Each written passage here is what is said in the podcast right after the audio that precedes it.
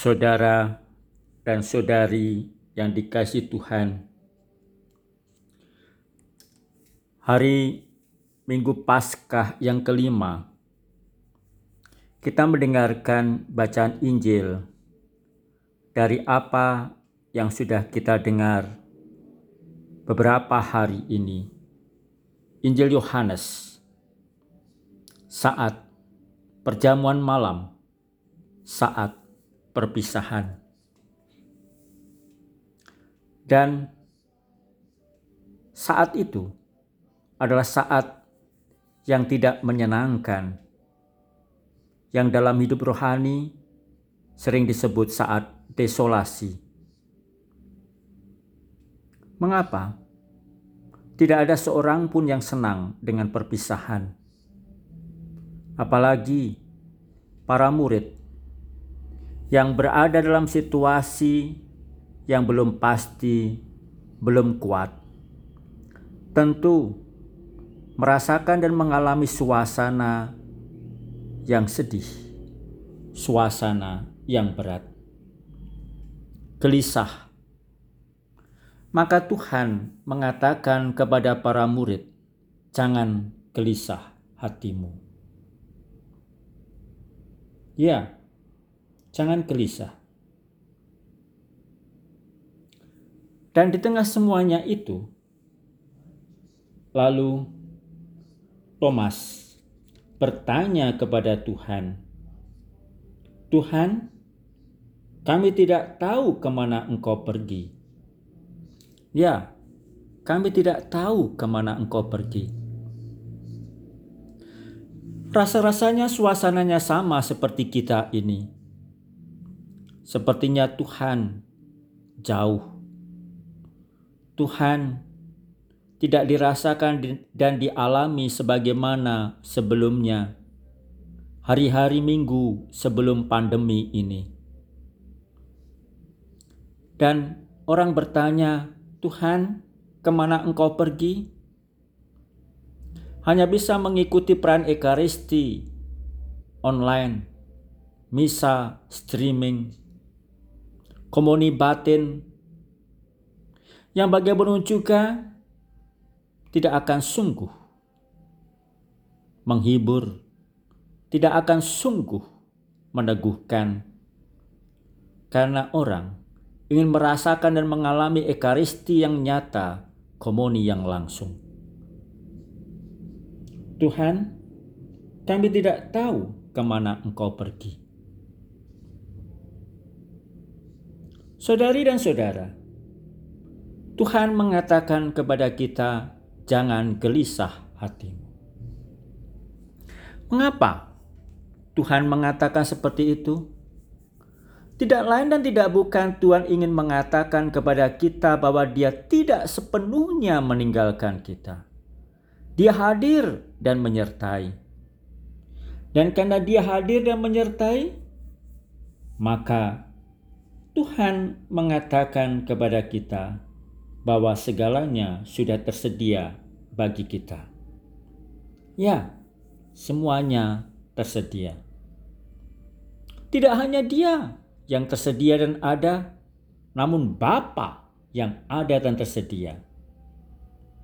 Maka kita diajak percaya. Percaya kepada penyertaan Tuhan, percaya pada kehadiran Allah. Bagaimana kita bisa percaya pada penyertaan dan kehadiran Allah itu? Bacaan pertama dari kisah para rasul kisah tentang pemilihan para diakon menunjukkan pengalaman, kehadiran, dan penyertaan Allah. Pada waktu itu, ketika jumlah mereka yang percaya kepada Kristus semakin bertambah, maka lalu ada pelayanan yang tidak bisa berjalan dengan baik. Mengapa? Karena pelayanan kasih tidak jalan, para rasul sibuk dengan pelayanan sabda. Maka lalu para rasul memilih tujuh diakon Salah satunya adalah Stefanus. Ya, untuk apa pelayanan diakon itu? Di dalam kisah para rasul dikatakan untuk pelayanan kasih. Untuk pelayanan kepada mereka yang membutuhkan, kepada mereka yang menderita. Supaya apa? Supaya para rasul dapat memusatkan pelayanan, doa, dan sabda. Itulah tanda penyertaan dan kehadiran Tuhan. Saudari dan saudara, di tengah situasi pandemi ini, kita melihat ada banyak dalam ungkapan kisah para rasul diakon-diakon. Mereka yang menjalankan pelayanan kasih, terlebih mereka yang di garda depan, petugas medis, para pelayan-pelayan sosial, bahkan juga di garda akhir, mereka yang berjibaku di makam, mereka yang berjuang melayani, merekalah para diakon-diakon itu. Untuk apa mereka menjalankan tugas? Tidak lain dan tidak bukan untuk menyatakan dan menunjukkan bahwa Allah hadir, bahwa Tuhan menyertai. Ya, Tuhan tidak pernah meninggalkan kita. Lalu, apakah kita hanya sekedar menjadi orang yang hanya konsumtif, menerima pelayanan?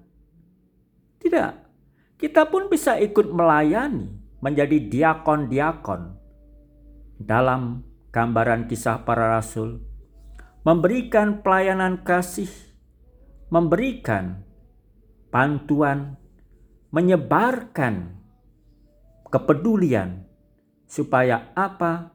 Supaya orang melihat bahwa tangan Tuhan bekerja, karya Allah tetap berjalan.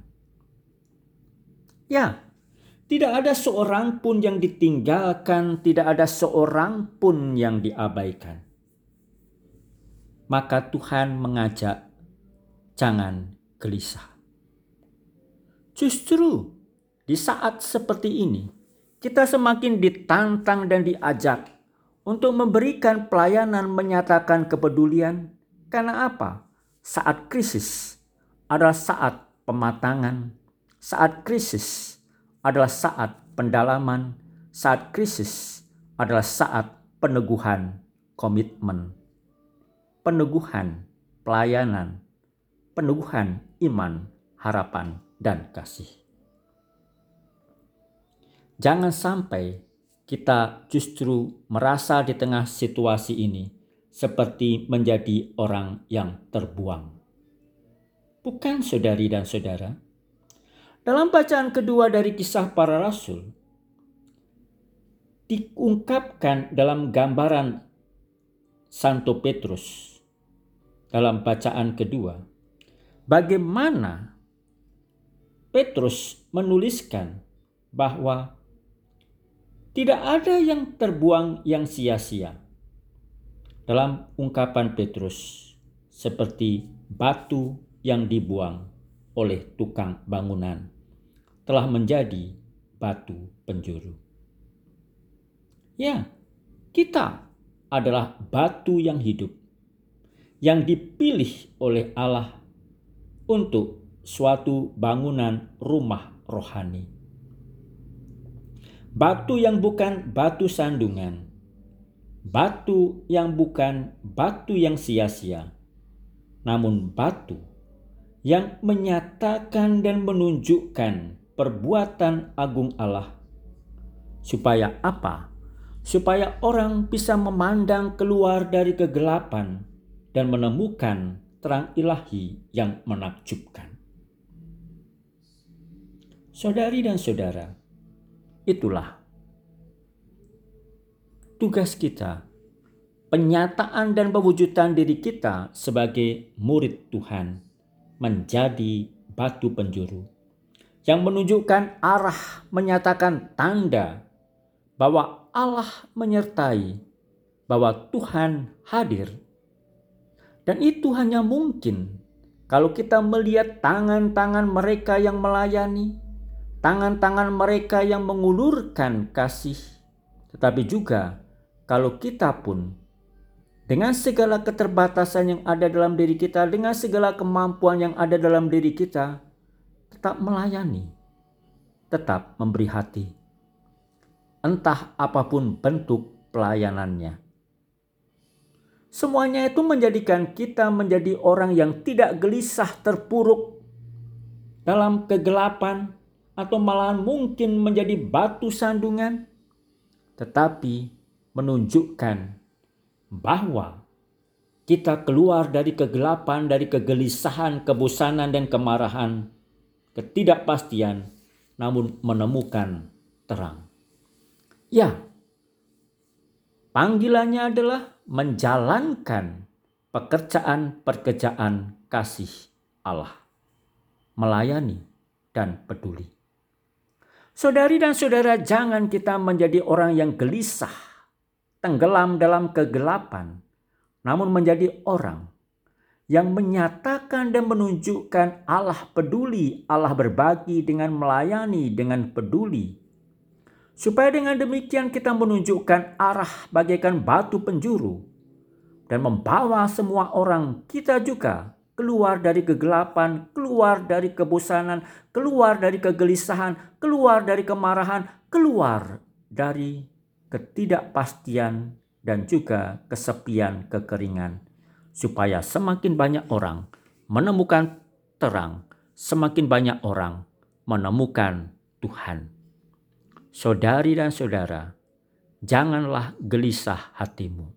Percayalah kepada Tuhan. Maka kita melihat tangan Tuhan yang bekarya, tetapi juga menyediakan diri supaya kita pun menjadi tangan Tuhan, menjadi mulut Tuhan dengan pelayanan kita, dengan pewartaan kita, dengan dan dalam hidup kita. Demi kemuliaan Tuhan yang lebih besar, agar semua orang melihat perbuatan kita yang baik dan memuliakan Allah di surga. Tuhan memberkati. Amin.